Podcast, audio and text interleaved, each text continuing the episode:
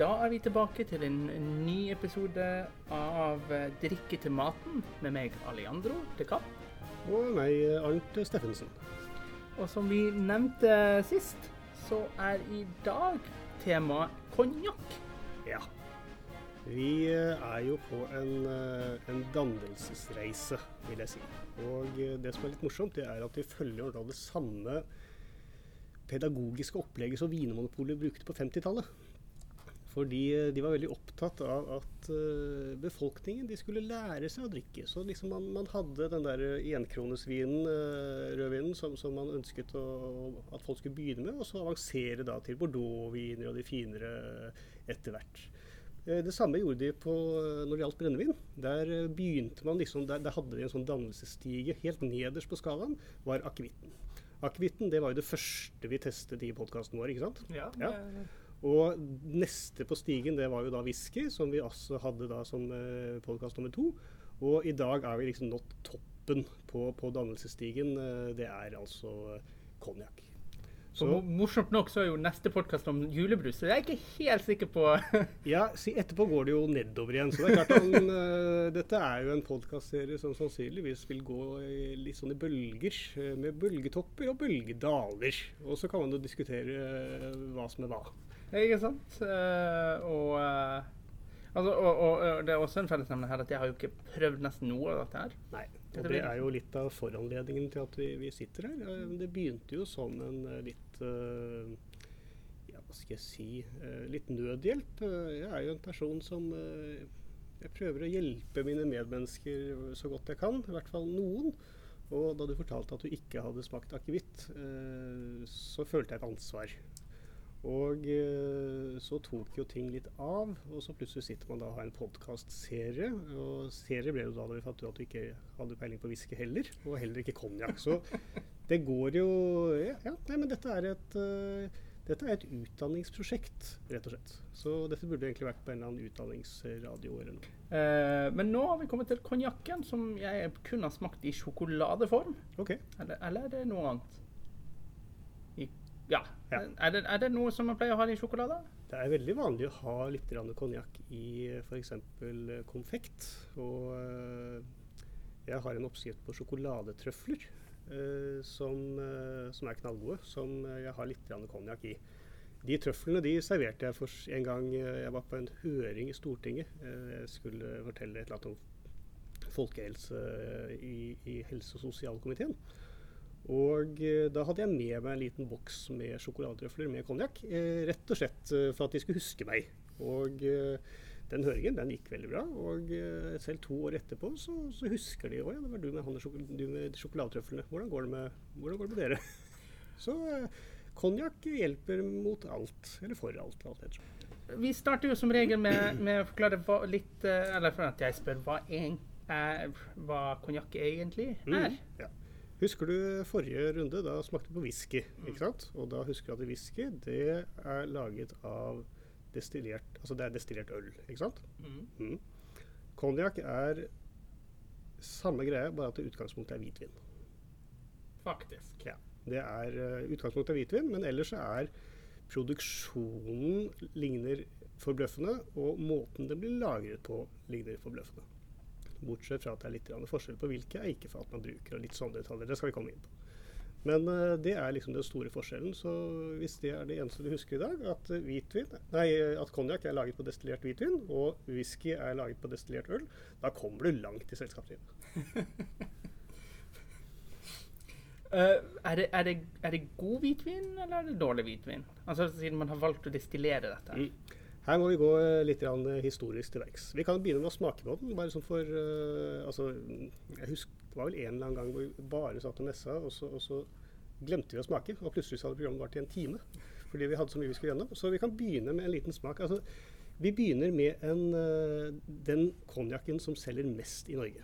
Mm. Det er en Bakke Gabrielsen Tre Kors. Uh, og det er altså en VS. Det er sånne aldersbetegnelser. VS det er den enkleste, altså den yngste, yngste betegnelsen. Det betyr at den har vært lagret på eikefat i to år. Mm. Eh, tre kors, eh, det er jo litt morsom historie, rett og slett, fordi eh, den eh, man får jo assosiasjoner til, til apoteker og, og Røde Kors osv. Ja, klassisk symbol for uh, ting som hjelper for helsen. Og under forbudstiden i Norge så blir jo da uh, Tre Kors uh, fra Bakke Gabrielsen det ble solgt da på apoteket. Fordi den gangen så hadde man da en forestilling om at brennevin, særlig konjakk, det hjalp da mot diverse vondter. Og du hadde en del sånne brennevinsdoktorer som skrev jo da ut uh, resepter på, på sykebrennevin i tusentall. Og uh, denne fra Bakke Gabrielsen det var liksom en av de uh, klassiske som har overlevd fram til i dag. En morsom greie det er jo at i utgangspunktet så var de tre korsene de var, de var røde. De. Ja. Men så fikk de da en, et brev, eh, høflig, men bestemt, fra Den internasjonale Røde Kors-komiteen som syntes det var veldig ugreit at de hadde da det røde korset på etikettene, for de mente at det, de kunne skape litt forvirring. Så etter det brevet så valgte de da å endre fargen da til de hvite korsene som det er i dag. Jeg liker at jeg må jo si at jeg synes det er imponerende at Røde Kors trodde at det ville skape forvirring. At noen faktisk ville tro at de hadde begynt med bryggeri. Ja, det er jo egentlig det mest forvirrende. Men ja, det... jeg var nede og snakket med Bakke Grabritzen i forbindelse med eh, en bok jeg har skrevet om konjakk. Og, og, da fikk jeg høre den historien. Det er fantastisk morsomt. For det er verdt å merke seg at Arnt er forfatter. Har skrevet den store whiskyboken og den store konjakkboken. Ja. Og skal skrive flere store bøker. Ja, vi uh, holder oss til sprit i utgangspunktet. Så neste er akevitt. Så da har vi skrevet en trilogi. Og det, det er alltid greit å kunne vise til når man er gammel. Og bøkene får du i en bokhandel nær deg. Vi får smake, da. Ja, vi kan smake på den. Mm, lukter veldig fruktig. Veldig fruktig. Og uh, dette er jo en veldig ung konjakk. Den er lagret kun to år på eggfat. Men uh, vi kan jo begynne med, kan, Du kan jo lukte og smatte og smake litt. Ja. Skal jeg fortelle litt om hvordan, man, uh, hvordan det kom seg at Oi sann. Den var sterk. Den er sterk. Altså, er, den holder sånn ca. 40 og eh, det er omtrent samme styrke som, som whisky. Nå, når du smaker denne her for første gang, så kan, den, kan det være at du syns den er uh, behagelig og søt osv. Men etter hvert skal vi smake litt eldre konjakker, og da er det morsomt å gå tilbake da kjenne at da vil den antagelig oppleves litt mer, litt mer rå og skarp. Mm. Mm. Den, er, den, lukter mye søtere enn det den smakte da, det må sies. Mm det er jo også slik at uh, konjakker for det norske markedet de er gjerne tilsatt litt sukker. For uh, det er det den norske smaken liker. Og det var vi jo inne på når det gjelder whisky. At uh, de nord nordlige landene, de som har et veldig kaldt klima, de, liker litt sødme. Rett og slett fordi det, da oppleves det litt varmere og litt hyggeligere å drikke. Man liker søte ting. Men du spurte om, eh, om det bare er liksom, utgangspunktet er dårlig vin, og, og, det er det for så vidt. Og det skriver seg litt fra Vi skal helt tilbake til 1500-tallet. Ja da. Her tar vi de store linjene. Hvor lang tid hadde vi, sa du? Nei, men det som skjedde på 1500-tallet, det var at uh, i Frankrike så herjet det store Altså det var en religionskrig. Og uh, det var mellom uh, protestant, altså protestanter og katolitter, eller hugenotter. Og, og uh, særlig var kampene harde i området rundt konjakk. Og uh, det var store kamper, og, og regionen gikk egentlig mm, gikk til, til Dundas. Mm. Og veldig mange av de vinmarkene som var, de, de ble ødelagt. På den tiden så var vinindustrien i uh, konjakkområdet den, den, var stor. Uh, det var et veldig anerkjent område når det gjelder kvalitet, uh, på linje med Bordeaux i dag. Og vinene derfra de ble eksportert til, til hele Europa. Veldig mye gikk opp til Nord-Europa, opp til Norge. og det var en handel som skrev seg tilbake helt fra vikingtiden, hvor vikingene seilte nedover og handlet. De solgte fisk og reiste opp igjen med, med salt og vin. Men eh, så ble jo da vinindustrien den ble ødelagt pga. disse krigene og, og, urolighetene. Og så når det begynte å bli rolig igjen, så skulle man prøve å få handelen på fot igjen. Og eh, så hadde man det litt for travelt. Og man skiftet druetyper. Og man valgte da druetyper som ga høyere avkastning og, og, raskere avkastning i stedet for kvalitet uh, på det nivået som de hadde hatt tidligere. Og avkastningen var grei, den. De, fikk, de lagde masse vin. Problemet var at den, holdt ikke, den tålte ikke å lagres så bra som den vinen de hadde laget før. Så det som skjedde, var at da handelsmennene kom fra Nord-Europa og andre steder og skulle kjøpe vin og frakte den nordover, så vinen tålte ikke sjøfarten. Og den begynte da rett og slett å bli, den begynte å bli sur. Slik at da de kom da til, til havnene sine, så, så, fant de da ut at nei, men denne kan vi ikke bruke, den må vi destillere. Og etter å ha destillert den, så fant de da ut at ja, men dette går an å, dette var ikke så gærent. Det går an å drikke. Og så oppstår jo da den tradisjonen at uh, handelsmennene de fant jo da ut at herregud, hvorfor skal vi kjøpe vinen og så frakte den uh, over lange avstander og så destillere den? Hvorfor kan vi ikke destillere den da i konjakkdistriktet? Og det var jo det de da gjorde, og dermed var jo da tradisjonen med å begynne å, la, å destillere vin i, i konjakk uh, født. Og det tok jo selvfølgelig noen år, men det var en ganske dramatisk omlegging. For det har aldri skjedd tidligere i vinhistorien at et så stort vinområde har lagt om driften totalt. Fra å lage bordviner, eller gode viner da, av eh, god kvalitet, til å gå over til å destillere så å si alt de lagde.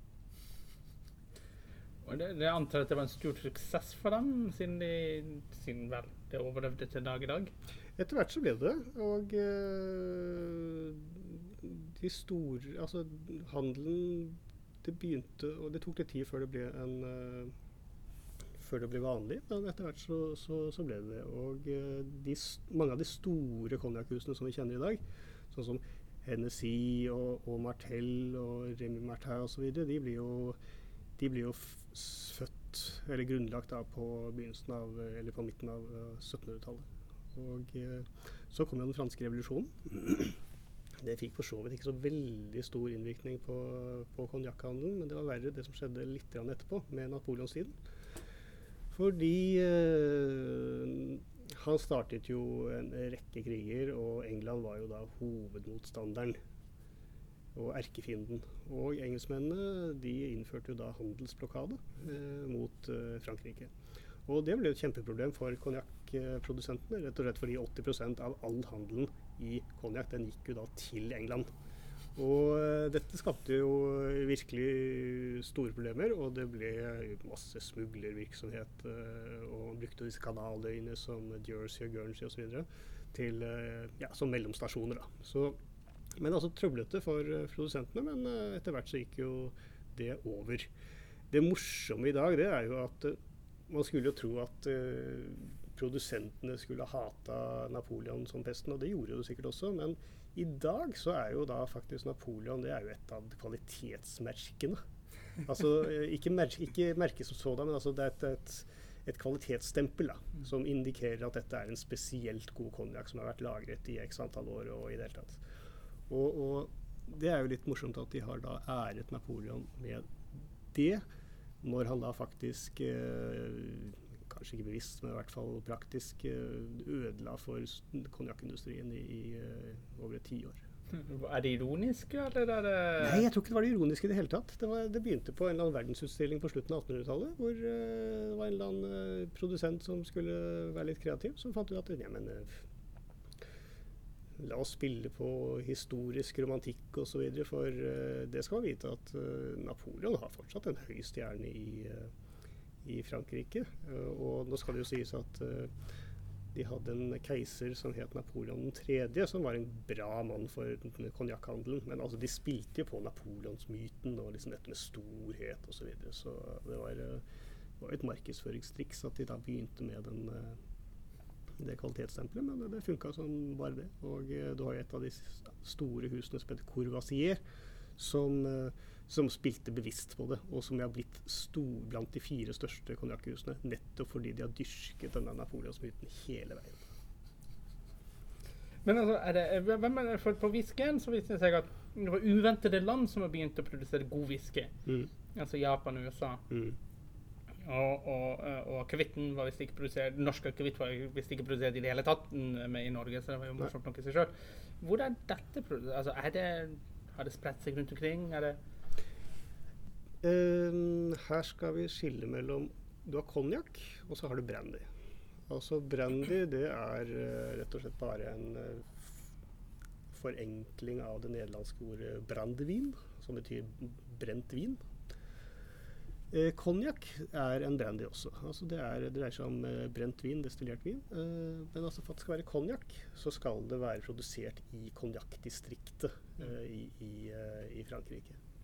Og det er, eh, det er, hele poenget. Det er et geografisk avgrenset område.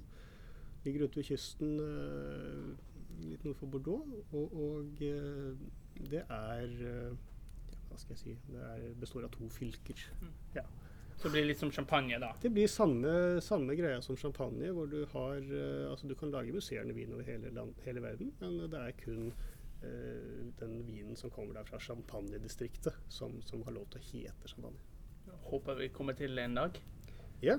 Det morsomme er uh, Det skal vi komme litt inn på etterpå. Um, fordi altså, Konjakkdistriktet er delt inn da i uh, regioner uh, av ulik kvalitet. basert litt på jordsmonn og kvaliteten på det osv. Og, og det aller mest fornemme distriktet i, i konjakk, det heter jo da Grand Champagne. Og det har ingenting med champagne å gjøre. Men altså, det er jo mange som går der ute og tror at ah, Grand Champagne, da er dette en konjakk som er laget av champagne. Men det er jo ingenting med boblevin champagne å gjøre i det hele tatt. Men det er jo ganske li, altså, Det er jo veldig brunlig i fargen. Den er brunlig i fargen, men du ser at denne her er ganske lys. da. Altså, mm. Denne har ligget da to år på eikefat.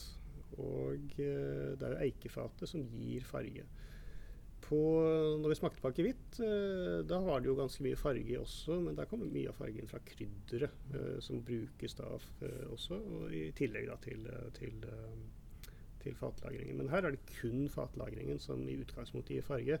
Men så er det lov å justere litt fargen med karamell. så man kan da oppleve å ha en to år gammel konjakk som, som, er kjempemørk, og man tenker automatisk da, som kunde at gud, den er så gammel og fin ut, og den må være kjempefin. Og så er det egentlig bare en veldig ung konjakk som er tilsatt uh, sukkerkolør. Og det, mange mener at det er å lure kundene, um, og, og uh, det er det selvfølgelig, men uh, på den annen side pytt pytt.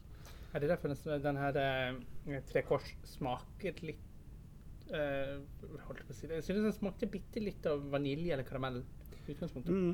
Eh, det har ingenting med sukkerløren å gjøre. Mm. Vaniljen den kommer fra eikefatet. Ja, så det er vanilje i denne? Det er ikke bare jeg som Nei, altså, det, er ikke, det er ikke tilsatt vanilje. Det er det ikke. Men altså, når, når, uh, når brennevinet reagerer kjemisk med, med treverket i eikfatet, så er det noe, et stoff i eikfatet som heter vanilin, som smaker litt som vanilje, som da etter hvert som tiden går, setter smak på, på konjakken. Den var veldig god, da. Jeg skjønner jo hvorfor, uh, hvorfor man ja. ville ha dette som medisin. Mm, mm. Vi kan jo uh, gå et lite hakk opp. Vi kan gå videre på en VSOP. Altså, vi startet med en trekors, eller en VS, som hvis vi skal bruke den betegnelsen. Den mm. står for Very Special. og VSOP det står for Very Superior Old Pale. Dette var et eh, klassifiseringssystem som vi innførte sånn på slutten av 1800-tallet. Og uh, så kan man spørre hvorfor i all verden altså franskmenn opptatt av det franske språk, franske kultur, skyr alt som uh, heter engelsk, og prøver å snakke engelsk til en fransk helner, så blir det bare sett rart på. Så hvorfor i all verden opererer man da med, liksom, med engelsk betegnelse på noe av det franskeste produktet du kan få? Og det, det skriver seg rett og slett fordi all handelen gikk til England. Så de måtte ta hensyn til det? altså? De måtte ta hensyn til det, og det var egentlig mest praktisk. Og det var en fin måte for, for forhandlerne å, vise liksom hvilken kvalitet uh, denne tilhørte. Men altså, er, det, er, det, de sjøl som setter kvaliteten? Det er det. Ah, okay, ja. Og dette er selvfølgelig regulert av et lovverk uh, som er diktert av uh, det vi kan kalle for Konjakkinstituttet, altså Byrå Interprofesjonell konjakk. Jeg må jo si at det, litt, det, det har en viff av pretensiøsitet, eh, navn og eh, Veldig. altså Franskmenn er veldig opptatt av det. Men nå går vi øst på en, eh, en VSOP. Og du ser at denne er jo litt mørkere i fargen. Og, og, det stemmer nok. Denne har ligget dobbelt så lenge på eikefat. Den har ligget fire år. Og her dreier det seg om minimumskrav. Det, det, må det være lov å si. Så du kan oppleve at det er eh, eldre konjakker også i, uh, i, i, blandingen. Men altså fire år det er betegnelsen på den yngste konjakken i blandingen. Da. Så du kan godt la oss si at du har 90 liter da, med en 20 år gammel konjakk. Og så har du da 10 liter av en konjakk som bare er uh, fire år. Da er det alderen på den yngste konjakken i blandingen som, uh, som gir klassifiseringen.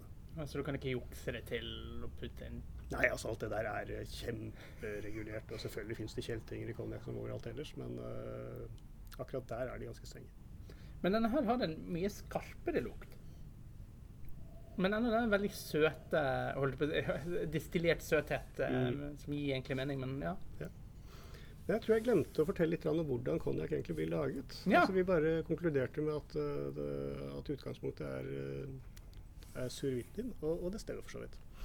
Men det som er viktig å huske, det er at den, altså konjakkbøndene i dag de kan lage vin. Det er ikke sånn at de den dag i dag er så elendig på å lage vin at dette er den eneste måten de kan få brukt faenskapet på. Altså, det er et marked for konjakk, og det er den vinstilen som de, som de, lager, altså den tynne, sure vinen, det gir den beste konjakken. Så dette er faktisk en villet utvikling. Så det er ikke altså, bare latskap? Det er ikke bare latskap. Det er ikke sånn at liksom fem, selv etter 500 år så har de ikke giddet å prøve andre druesorter. Det liksom, dette er det de prøver på.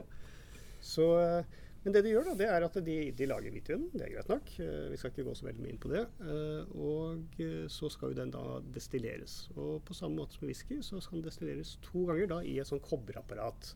Som vil si at man heller det oppi en, stor kjele, og så skal den varmes opp til alkoholen begynner å fordampe. og Alkoholdampen stiger da oppover, går gjennom noen kobberrør og over i en det som vi kaller en kondensator, som egentlig bare er at rørene går igjennom kaldt vann, slik at uh, den varme, varme alkohollampen den får da dråpeform igjen. Og så får vi da et brennevin som holder ca. 30% Og da tar man de 30 og så destillerer man det en gang til.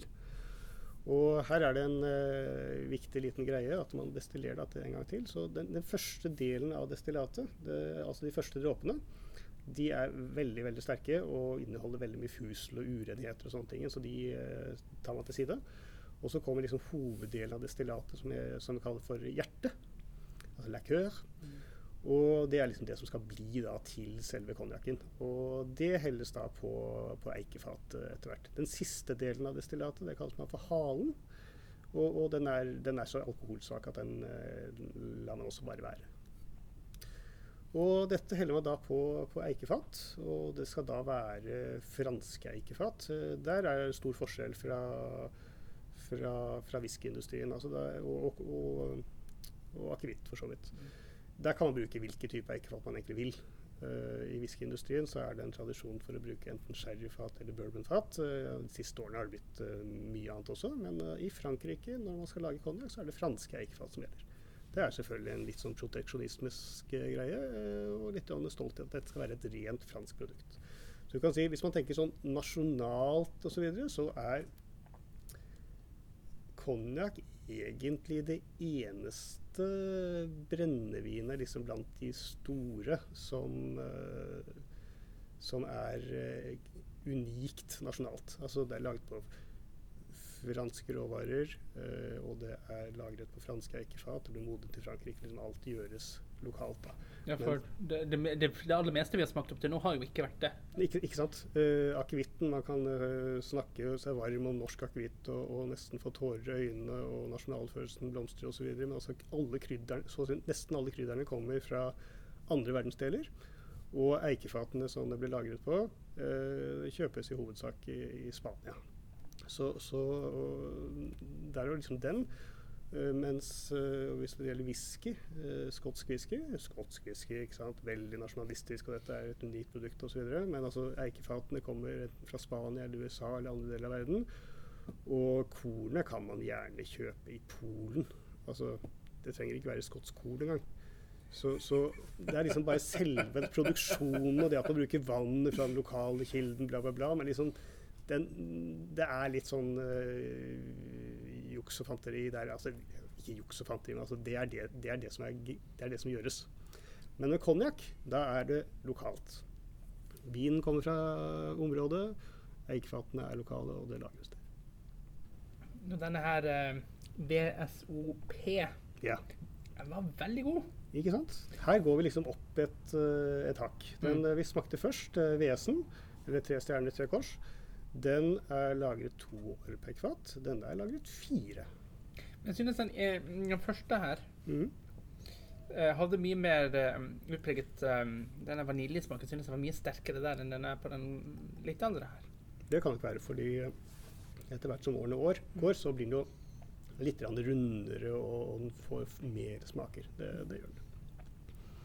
Og så er den også mye mørkere. Men jeg antar at det ikke er eh, sukker og, og, og karamell, eller er det Altså noe er det nok, Mm. eh, rett og slett fordi eh, Altså bare for å sammenligne. eh, hvis du ser den siste vi skal smake, den er 30 år gammel. Og du ser at fargen på den, den er ikke tilsatt noe, eh, som jeg har hørt. Men fargen på den er jo den samme som den som er lagret på fire år. Så det er klart at her er det småjusteringer. Men det, altså, det, er, det er tillatt, og det er jo for at eh, Det er litt for at uh, konjakkprodusentene ønsker at det de lager skal ha liksom en konsistent farge. At den konjakken du lagde i fjor, det skal ha den samme fargen som den du kjøper i år, og sånn til neste år.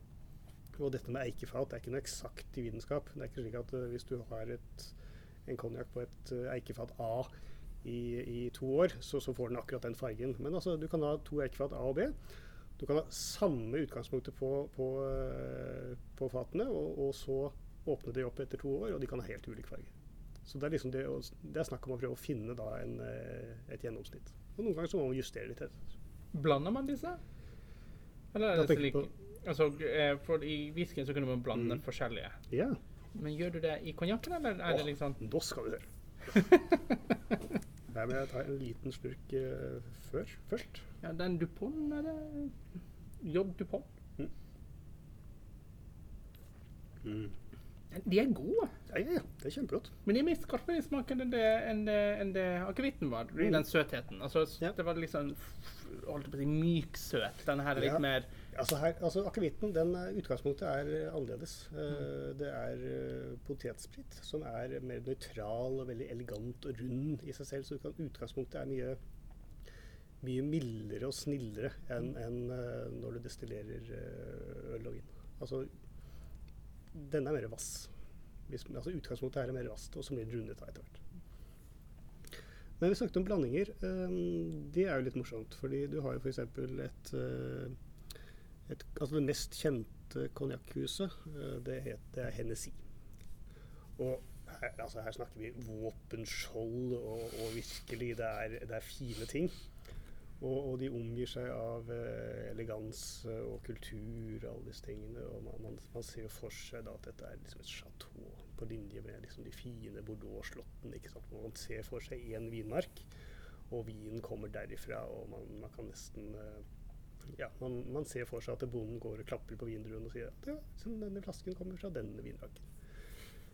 Uh, I f- konjakk så er det over 5000 eh, vinprodusenter som, som lager uh, vin som da går til, uh.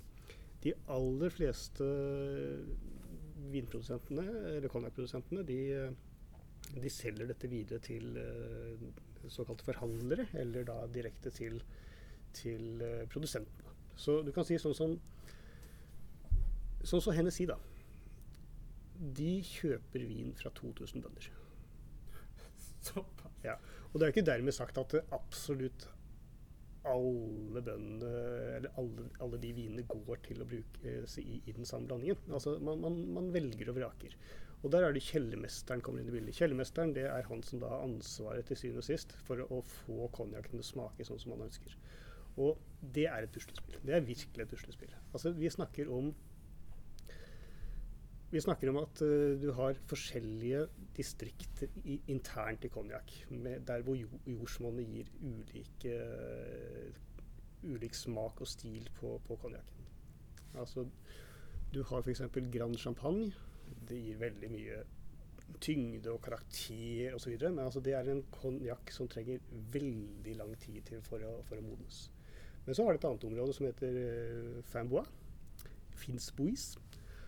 Og uh, også et veldig bra område. Men altså der, der gjør jordsmonnet det gjør det slik at druene, eller konjakken, den, den, modes mye mye raskere. Det har litt med jordsmonnet å gjøre. Det har litt med klimatiske forhold og fuktighet og alle sånne ting. Altså Utgangspunktet er at det, i det distriktet så modnes konjakk kjempefort og gir mye fruktighet og sånt. Men i de, de, de, fine distriktene, de prestisjefulle distriktene, der modnes det saktere.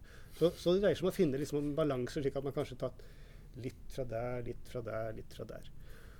Så du har liksom det elementet. Og så er det selvfølgelig mange mange produsenter som man skal da velge mellom. Og så er det forskjellige årganger. Og det er forskjellige typer eikefat. altså Du kan, du kan skille mellom grovkornet treverk og finkornet treverk. og det gir litt forskjellige stiler. Så, så det er et, det er puslespill av en helt annen, en, en annen verden. Men altså, ha, det er jo kanskje litt farlig å spørre en forfatter av en bok om dette her, om kondisør. Men har det noe å si, eller er det bare Dette gjør vi fordi? Altså har det mye å si for smaken? Kan du se forskjell, altså smakeforskjell mellom de forskjellige? Det kan man.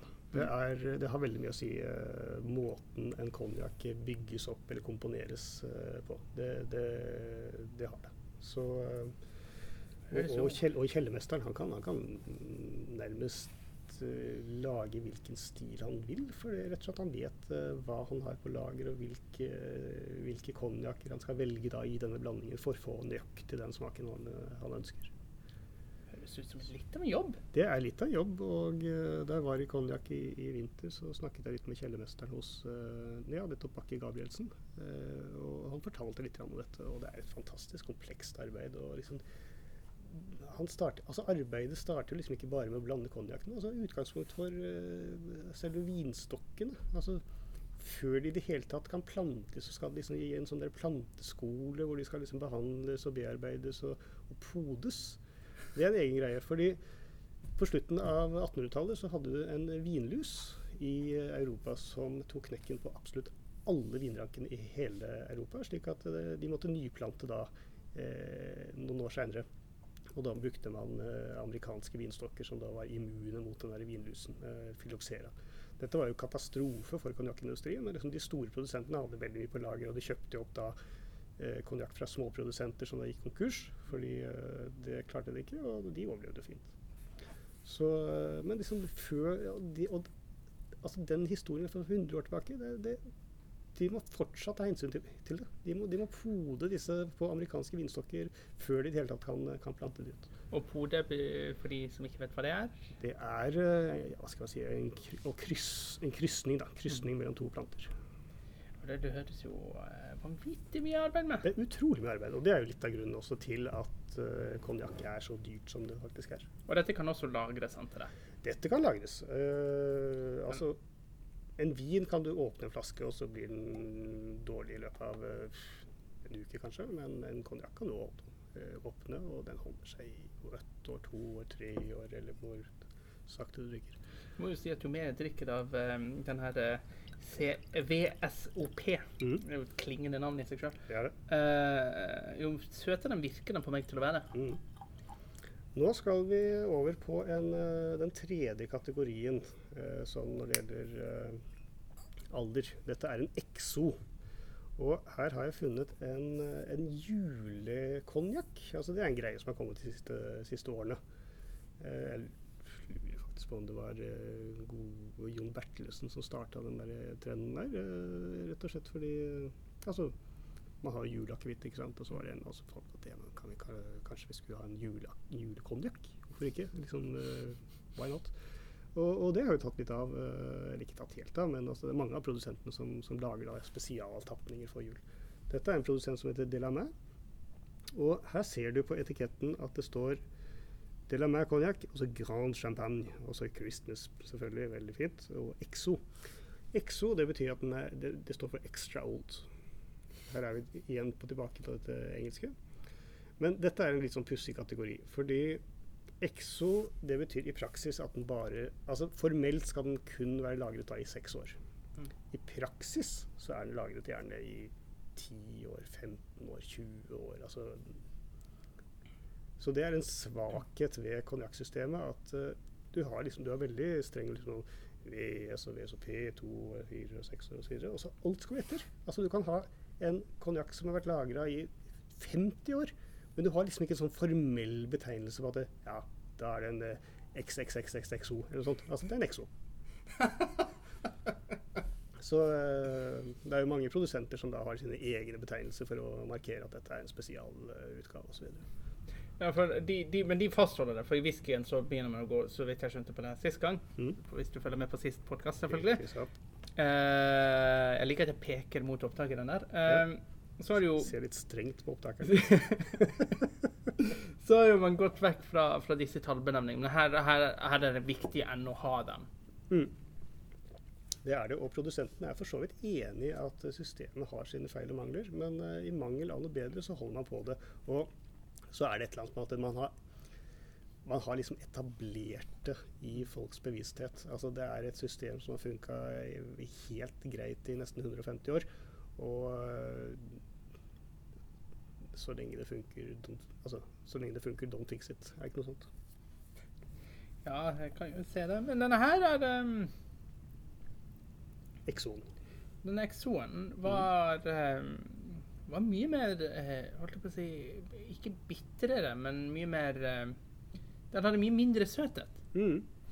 Nei, jeg valgte ut en litt atypisk exo. Altså, er veldig mange av de exoene som selges i Norge, de er litt søtere enn øh, enn denne. Mm. Eh, rett og slett fordi nordmenn liker at ting skal være søtt. Og Exor den er, det er, det er liksom det er mye sødme. Det er, det er kos. Sitte foran peisen og drikke noe, noe, noe som er sterkt og søtt. Mm.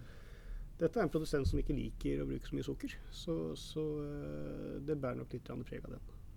For det, for det merker man. Altså Mm. Hvor mye sukker har det i så tilfelle å spille Mm. inn eh, Hvor mye sukker det spiller inn i smaken? Ja, ja det, det merker man. For noen år siden så øh, var det noen som prøvde å, å innføre en ny eh, konjakkategori i Norge. Eh, det som de da kalte for konjakkbrut. Altså Brut det kjenner vi igjen fra champagne. ikke sant? Tørr. ikke sant? Altså Rett og slett tørr konjakk som ikke var tilsatt sukker. Og tanken var jo at eh, dette skulle være bra og sånn, eh, pedagogisk. At uh, liksom fjerne alle de tingene og liksom la selve råvaren og druen og smaken uh, og telle for seg. Og, eh, men altså, ideen var god. Eh, problemet var at kundene ville ikke ha det. Fordi nordmenn vil ha søte konjakker. Og eh, du har selvfølgelig entusiastmiljøet som uh, syns at dette var helt topp. Men eh, det brede lag av folket, de som eh, jo tross alt eh, sørger for eh, de fine tallene på bunnlinja, de vil ikke ha det. Så det ble en Jeg vil ikke si at det ble en fiasko, for den fin, altså kategorien finnes fortsatt. Men uh, det blir et mer et nisjeprodukt, egentlig. Var det litt brutalt for bunnlinjen? så bra. Men, men, hvis, du ser, hvis du ser på etiketten her, så ser du det står uh, Del la Main, ikke sant? Bla, bla, bla, Mm. og så står det Grand Champagne. mm, Når det står Grand Champagne, så betyr det at uh, alt i den konjakken der, den kommer da fra det området Grand Champagne i konjakk. Altså Vanligvis så er en konjakk en blanding av, uh, av konjakker og druer fra alle deler av, uh, av konjakkdistriktet. Men her er det snakk om kun kremdistriktet, kan du si. For blant eh, mange, me mange mener at uh, Grand Champagne det er liksom det fineste og mest fornemte. og sånt har alltid vært. Det som er nest uh, finest, det heter uh, Petit Champagne. Og eh, hvis man blander da konjakk fra disse to distriktene sammen, eh, og ikke bruker noe annet, men liksom de to sammen, da heter det Finn Champagne. Så eh, litt grann sånn snobberigreie, og brukt veldig mye markedsføringsøye med. Da du har særlig en produsent blant de, de store store som heter uh, Remi Martin. De har jo spesialisert seg på akkurat det der og blitt blant de store nettopp fordi de har liksom markedsført at dette er liksom crème de la crème. Men, men er det det, eller er det bare noe de sier? Altså, er det sånn at når du smaker det, så er det som engler faller ned på tungen din? og... Det er, eh, det er forskjell. Det er det. Og um, hvis man kommer litt inn i det og, og begynner å engasjere seg i å smake og sammenligne, så, så kjenner man jo at uh, konjakkene som kommer liksom fra de uh, distriktene, champagnedistriktene, de de har mer tyngde og karakter enn en de som kommer fra de uh, hva skal jeg si, enkle, enkle utsiktene. merker meg også at luktene her, altså fra den første tre kors Mm. til VSOP og til XO-en, Mm. så har det liksom vært eh, veldig søtt, Mm. mindre søtt, Mm. ikke søtt. Mm. Altså i, i lukten, da. Ja. Altså at den lukter mer, eh, mer eh, alkohol. Altså, eller mer, mer distillert den distillerte vinen enn det den lukter søtsaker. holdt på å si. Mm. Kanskje en dårlig formulering, men iallfall. Altså Normalt så skal man jo kjenne at uh, jo eldre konjakken blir, jo, jo rundere blir den, og jo mindre spritstikk skal den egentlig ha. Mm. Altså Nå skal det sies at den der flaska, den uh, Exoen, uh, den åpna vi akkurat nå. Og det kan ha litt å si at eh, noen ganger så trenger konjakker på samme måte som viner, de trenger rett og slett å lufte seg litt. Så det kan være at den trenger litt tid i glasset. Det, det kan være. Men det som er morsomt nå, hvis du går tilbake til den første den som da, altså Nå smaker vi en som Jeg vet ikke hvor gammel den er. Hvis jeg skulle tippe, så er denne lagra kanskje en 15-20 år på, på, eh, på fatet. Uh, så kan vi sammenligne da med den som bare har vært lagra to år. Drikke litt vann. Og du kjenner liksom bare på lukten. Nå har Alejandro faktisk tømt det glasset.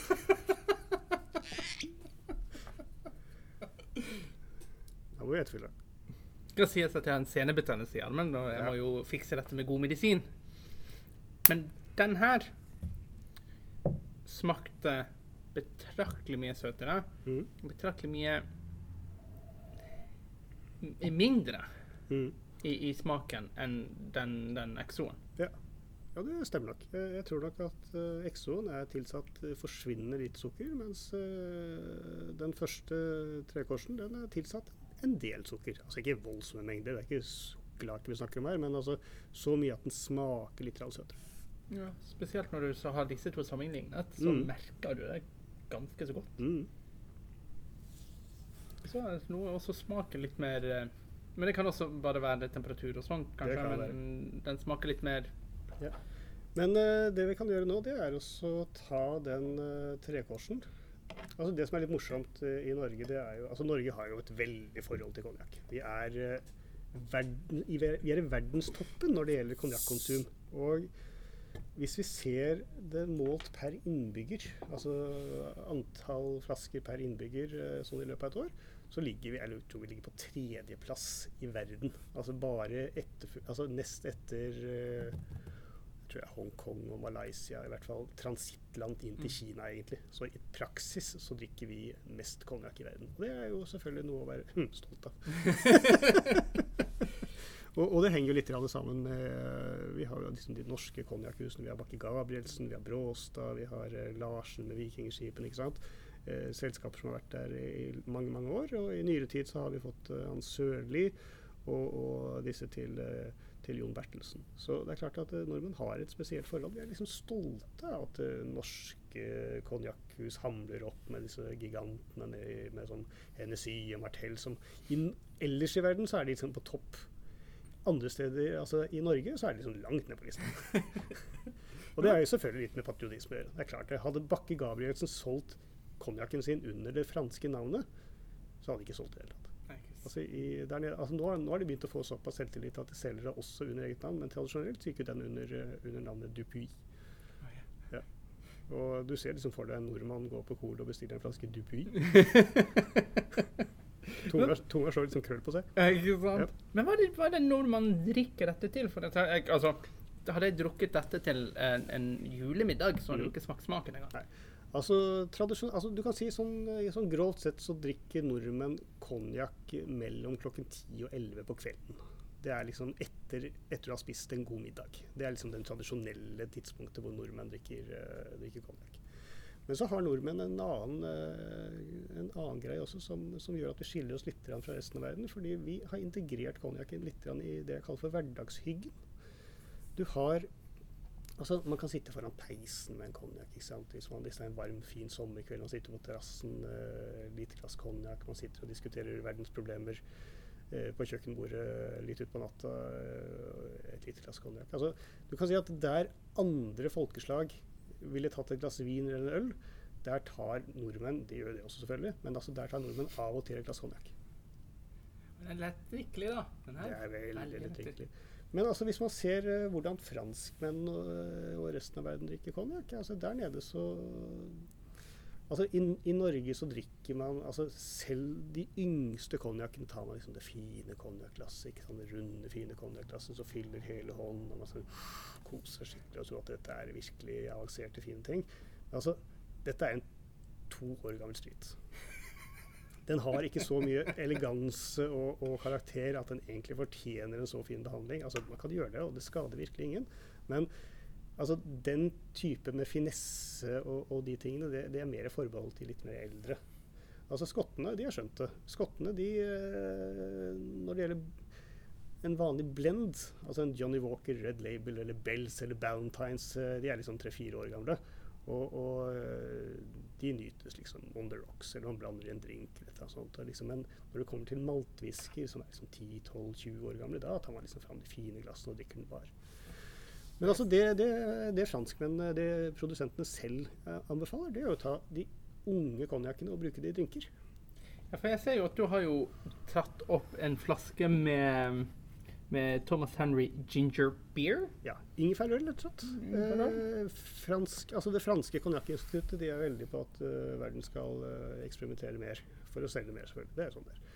Og de anbefaler veldig konjakk og en tonic. Altså lage en GT bare med konjakk. Eh, Jeg har prøvd det et par ganger, jeg er ikke helt overbevist. Men konjakkprodusentene selv, hvis du spør liksom, hva er det du, eh, hvordan liker du å nyte din egen konjakk, og det veldig mange sier, det er å, å drikke de unge variantene da på en varm sommerdag servert med kald ingefærøl. Så nå har jeg tatt med en ingefærøl, og vi har da den tre kors, eh, den unge unge, i glasset. Og nå heller vi rett og slett ingefærøl oppi konjakken. Og der mistet vi vel halvparten av de 40 literne vi har. Sjokkskadede som de er. Ja, for nå har den fått en sånn eplejusfarget Ja. greie. Rett og slett. Og det er ikke veldig lite, eh, lite uh, ingefærøl hatt oppi. Det var en, en femtedel konjakk og resten Ja. Altså jeg hadde oppi sånn vanlig Det er som å lage en GT, egentlig. Mm. Altså du har litt grann, eh, sprit i bunnen, og så noen isbiter, og så fyller du på. Og det er liksom det forholdet. Så det blir ikke noe sterkt. Det blir det ikke. Men det blir veldig friskt. Så da kan vi smake på det. Å, det var godt. Mm. Kjenner at den, det biter litt, men det er Mm. liksom veldig, veldig forfriskende. Du kan tenke deg den her på en varm sommerdag. Det er, det er godt. Mm, den blandet veldig godt med ingefær. Mm. Herregud, jeg tror man kunne blitt godt og full, eh, god og full på den her. Det blir vi jo selvfølgelig ikke på denne podkasten. Mm. Det blir vi jo selvfølgelig ikke mens båndet går. Nei, selvfølgelig ikke. Men hjelpes meg, dette smakte skikkelig godt. Ja, men så bra. Så bra. Jo, helt nydelig. Og så Mm. den er veldig frisk òg. Ja. Men du, tiden flyr. Eh, vi har én Mm. konjakk til vi skal gjennom. Her har jeg tatt med en spesial. Altså Nå, er, nå har vi vært igjennom liksom de tre vanlige kategoriene. Liksom du har uh, VS, VSOP og EXO. Det er liksom det som selges Det er, liksom, det er liksom det som selger mest. Mm, mm. Men så har du liksom enkeltprodusenter som har gamle konjakklagre eh, i, i familie, som har gått i familiearv. Og det er sånn 50-60-70 år gamle konjakker, og der har det vokst fram et uh, lite marked nå man skal eksperimentere litt mer med. Det er kjempegøy. Og her er det et, eh, en eh, produsent som heter Tesseron, som har spesialisert seg på nettopp dette her. Og de har laget veldig gamle. Altså du, du, du, har en, du har et par stykker hvor, som stammer med konjakker fra, fra 20-tallet og 30-tallet som er liksom 100 år gamle. Og, og de teller ikke så mye år, de teller mer generasjoner. Så denne her, den er liksom én generasjon, én eller to generasjoner gammel. Så det, altså, det kan være sånn Det kan være 40 år. Jøss, det er spennende. Så det jeg foreslår at vi gjør, er å ofre et av glassene. Da kan vi jo eksempel ta Foreslår at vi tar den der yngste, som vi, den eh, vesen, og så hiver den oppi drinken. Slik at den blir sterk og fin. Og så avslutter vi rett og slett med å smake denne som da er Hvor gammel er du, Alejandro? Er 29. Ja, denne er eldre enn deg. Oi, oi, oi. Er det, er det rimelig å si, eh, nå som vi har fornærmet folk med å blande ting her, Ja. at trippel kor, eh, altså kors er, la oss si, eh, ja, av disse er russen. Altså det du drikker når du er russ. Mm. Og du kommer til VSOP når du er studenten. Mm. XO-en når du begynner å bli drap i årene og vil ha det mer raffinerte, mens den siste her, den uh, Tesero, Teseron, Teseron. er mer herskapelig. Ja, det kan du godt si. Det kan du godt si. Nå nå er jeg veldig spent, faktisk. Ja. Det er ikke noen som er eldre enn meg, jeg ikke ofte gjør. Oi. Og her kjenner du allerede på duften at Mm. gud hjelpe meg, her er det kompleksitet. Her er det mye. Her er det mye. Denne kan man i prinsippet sitte og lukte på i en time før man liksom stikker tunga ned i det, men altså så god tid har vi ikke. Men Det altså, hadde vært utrolig kjedelig podkast. uh, og hvis du hadde hoppet inn igjen, så hadde du lurt hva det, hva det handlet om. Men det skal sies dog, Mm. at jeg er jo en av de sånne for, ufordragelige studentene som har gjort narr av folk som lukter på ting. Og ja, ja, og ja, du lukter Mm. eddiken til skoen som var tilfeldigvis sølt på skoen til en annen som var i nærheten av den busken. Men jeg må si, Mm. at jeg må jo ta meg sjøl litt i det, at du kan lukte at det er mer å lukte av av denne testosteronen Mm. enn f.eks. Eh, eh, trippelkorset. Ja. Altså det er bare mye mer å lukte. Ja.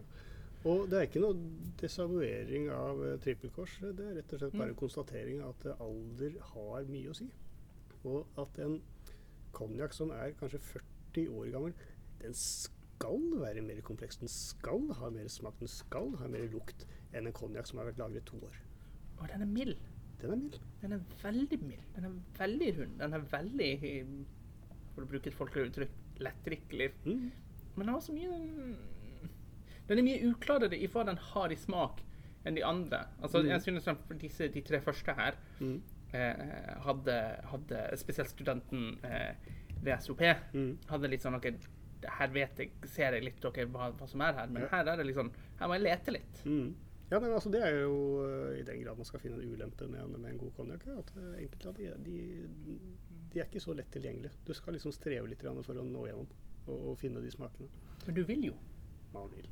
Altså Når du smaker på dette her, så vil man veldig gjerne. Mm. Og dette er den eldste. Dette er den eldste. Og uh, den finnes uh, finnes i Norge. Tesseron har begynt å bli ikke- altså, Ikke si populær, for her snakker vi om relativt dyre konjakker. Denne koster underkant av 1000 kroner. uh, vi er der. Og, men altså, i entusiastkretser så ville de sagt at dette er et røverkjøp. Der uh, brenner man fort av liksom 4000-5000 kroner og sier at den, ja, denne kjøpte jeg to av. så Jeg tenker meg at eh, den første her, Ja. uh, toåringen, mm. er ikke er så dyr. Nei, den koster Hva er det koster en hel flaske? Mm, 300-400 rundt der. Så pluss and tonic, så har du liksom Ja. fått en godt utbytte. Mm. 1000 kroner jeg, jeg, jeg ser jo hvorfor. Altså, jeg smaker jo hvorfor. Mm. Og det er klart at, det, det, er klart at altså du, det er en grunn til at ting koster mye penger. En ting er smaken, som man selvfølgelig kan dirigere hvordan man vil. Altså, her dreier det seg om at man har liksom bundet opp kapital da, i veldig mange år. Altså, tønna ligger der. Mm. Du har liksom hatt du har brukt tid, og du har betalt lønn til arbeiderne som har høsta vindruen, og som liksom har laga den, og du har liksom han som driver og feier gulvet på lageret. Han skal jo ha lønn liksom i disse 40 årene. Og, og tønna ligger jo bare der og skaper ikke noe verdi i det hele tatt, før du da til slutt eh, åpner den og, og, og tapper den på flasker og selger den. Så, så det dreier seg om rett og slett det er en investering i fremtiden. Altså det er klart det binder opp kapital, og for de store produsentene så tar det sin tid, men eh, det, sånn er det. Altså, hvis jeg konkluderer med én ting Ja. Trippel kors, eller tre kors, Ja, tre kors. med ingefærøl. Åh, det er utrolig godt! Det burde man prøve. Og den testosteronen, Mm. den, den hadde jeg kost meg på nyttårsaften. Med litt uh, stillhet og ettertanke. Og, det er klart, hvis du blander den der med ingefærøl, så tror jeg jeg hadde slått.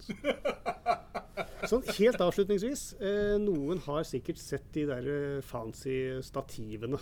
Eh, som man, du, ser, du har sett sånn der stativ hvor du plasserer da et stort konjakkglass oppi den, og så har du sånn bitte lite telys eller sånn åpen flamme. Liksom, tanken er at det, dette skal varme opp konjakken slik at den blir liksom delikat og mulig.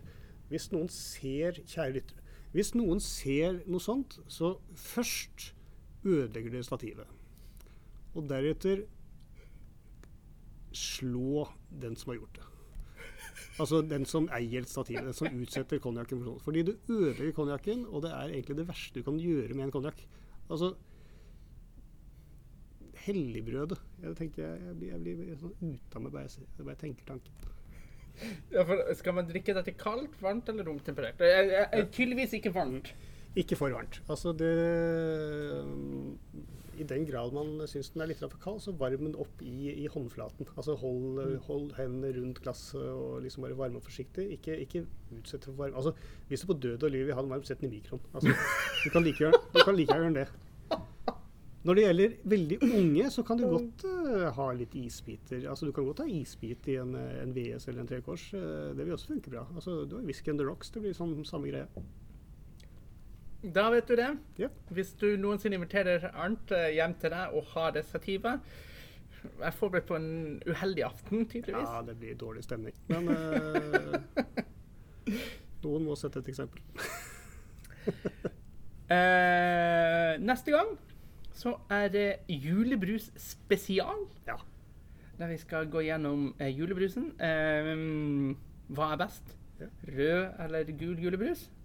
Dette, det kan bli spennende. Uh, her, stiller, her, her, skifter vi egentlig roller. Uh, Alejandro er, han er ekspert på julebrus. han har et forhold til det og har, har smakt dette før. Jeg er veldig grønn. Så det skal bli morsomt. Det blir greit. Og så etter det så er det Japan, og etter det er det mye mer spennende. Så følg med. Stay tuned. Stay tuned. Du har hørt på som passer god mat, drikke til maten, med meg, Alejandro De Kapp. Og Arnt Steffensen. Så snakkes vi neste gang på julespesial. Ha det. Ha det.